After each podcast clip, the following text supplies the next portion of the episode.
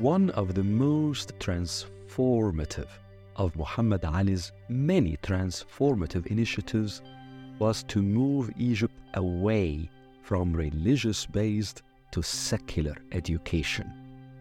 This was a historic change.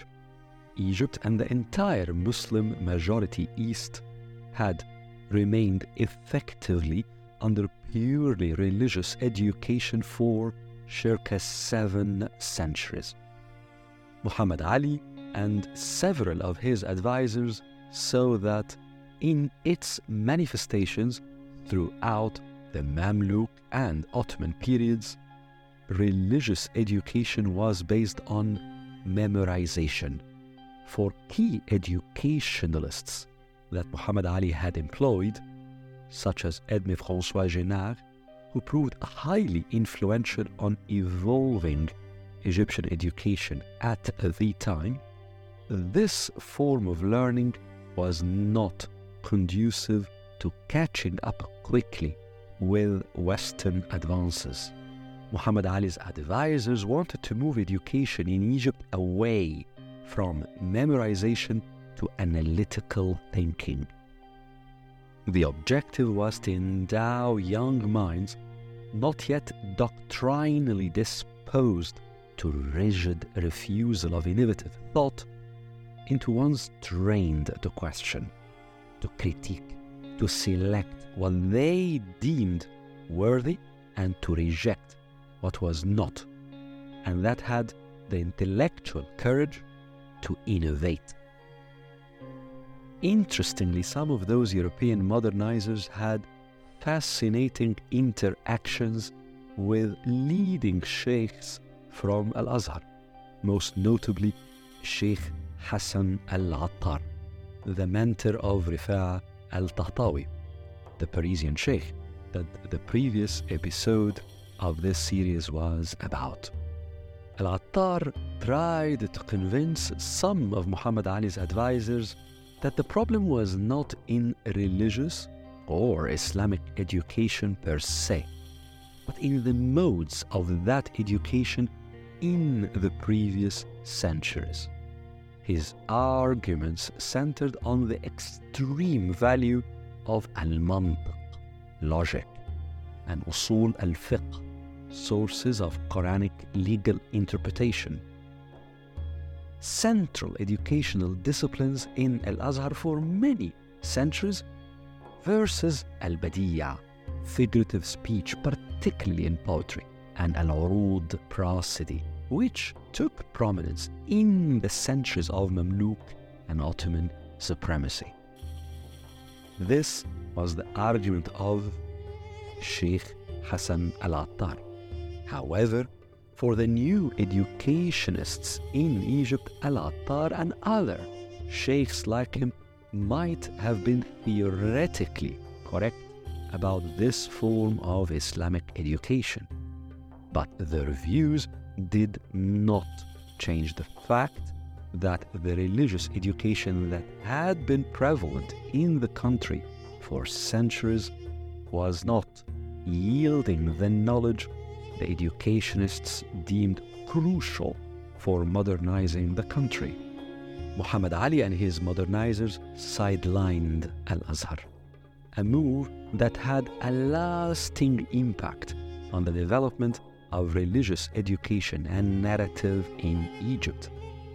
And in its place, they installed new professional schools of military studies, of medicine, of education in technical affairs, in engineering, administration, midwifery, and crucially of languages.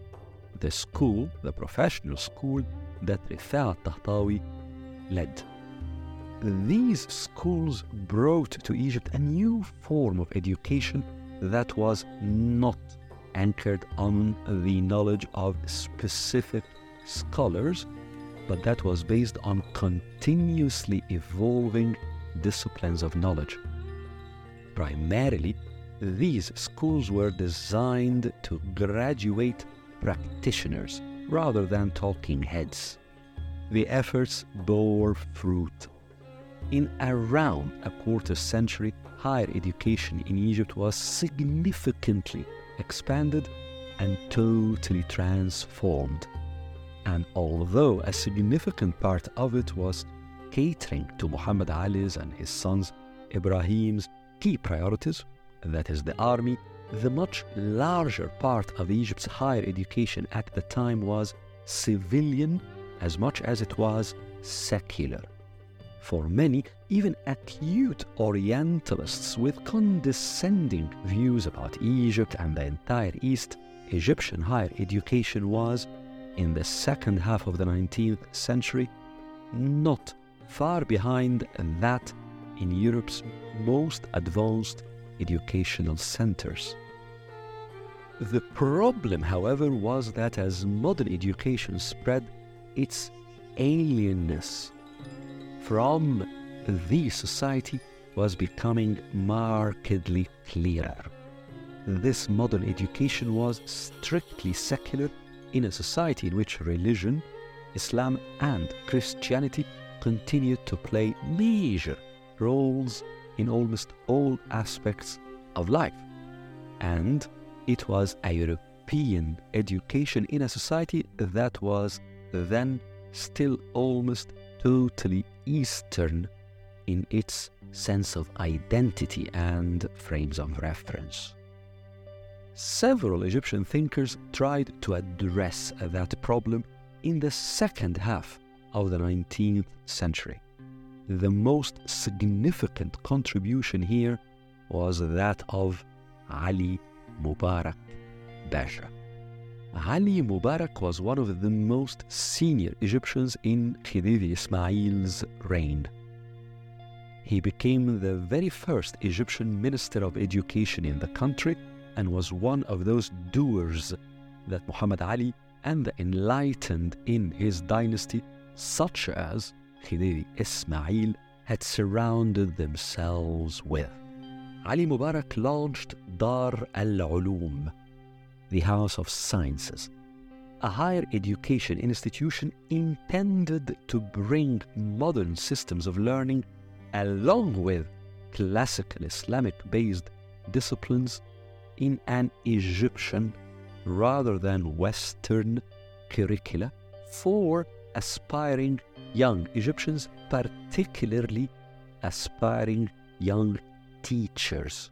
He also launched Dar al Kutub, the House of Books, which later evolved into Egypt's National Library and Archives. These were colossal steps at the time, but the bigger impact of Ali Mubarak's work was seeping the ideas behind the past half century's modernization into traditional Egyptian education, bringing old disciplines of study into new forms of learning, and situating the teaching of Islamic sciences into the channels of the new educational system. This was the first attempt at Egyptianizing the transformation of education that had been taking place in the country in the previous half century, roughly the early to mid 19th century. This Egyptianization saved that modernization of education from becoming, for most Egyptians, a mere spectacle they might have gotten exposed to, but that most of them would have had no sense of connection to such Egyptianization, Egyptianization, sorry, Egyptianization of education empowered traditional Egyptian culture with a sense that it can interact with the changes that were being imposed on it from the top. And then newly found confidence began to seep into the circles of Egyptian educationalists that they could innovate on the new systems of learning they were receiving from Europe. And indeed, by the last quarter of the 19th century, Egyptian educationalists primarily from within Al Azhar, began to curate new curricula, different systems of learning, different systems of teaching that were innovations on the traditional religious based education. Innovations that owed a lot to the major wave of modernization of the previous half century, and yet that were emerging from within Egyptian environments by Egyptian minds. This gave rise to a wave of breakthroughs in modern Egyptian thought, as well as to clashes of ideas that proved highly dangerous to the Egyptian society and beyond.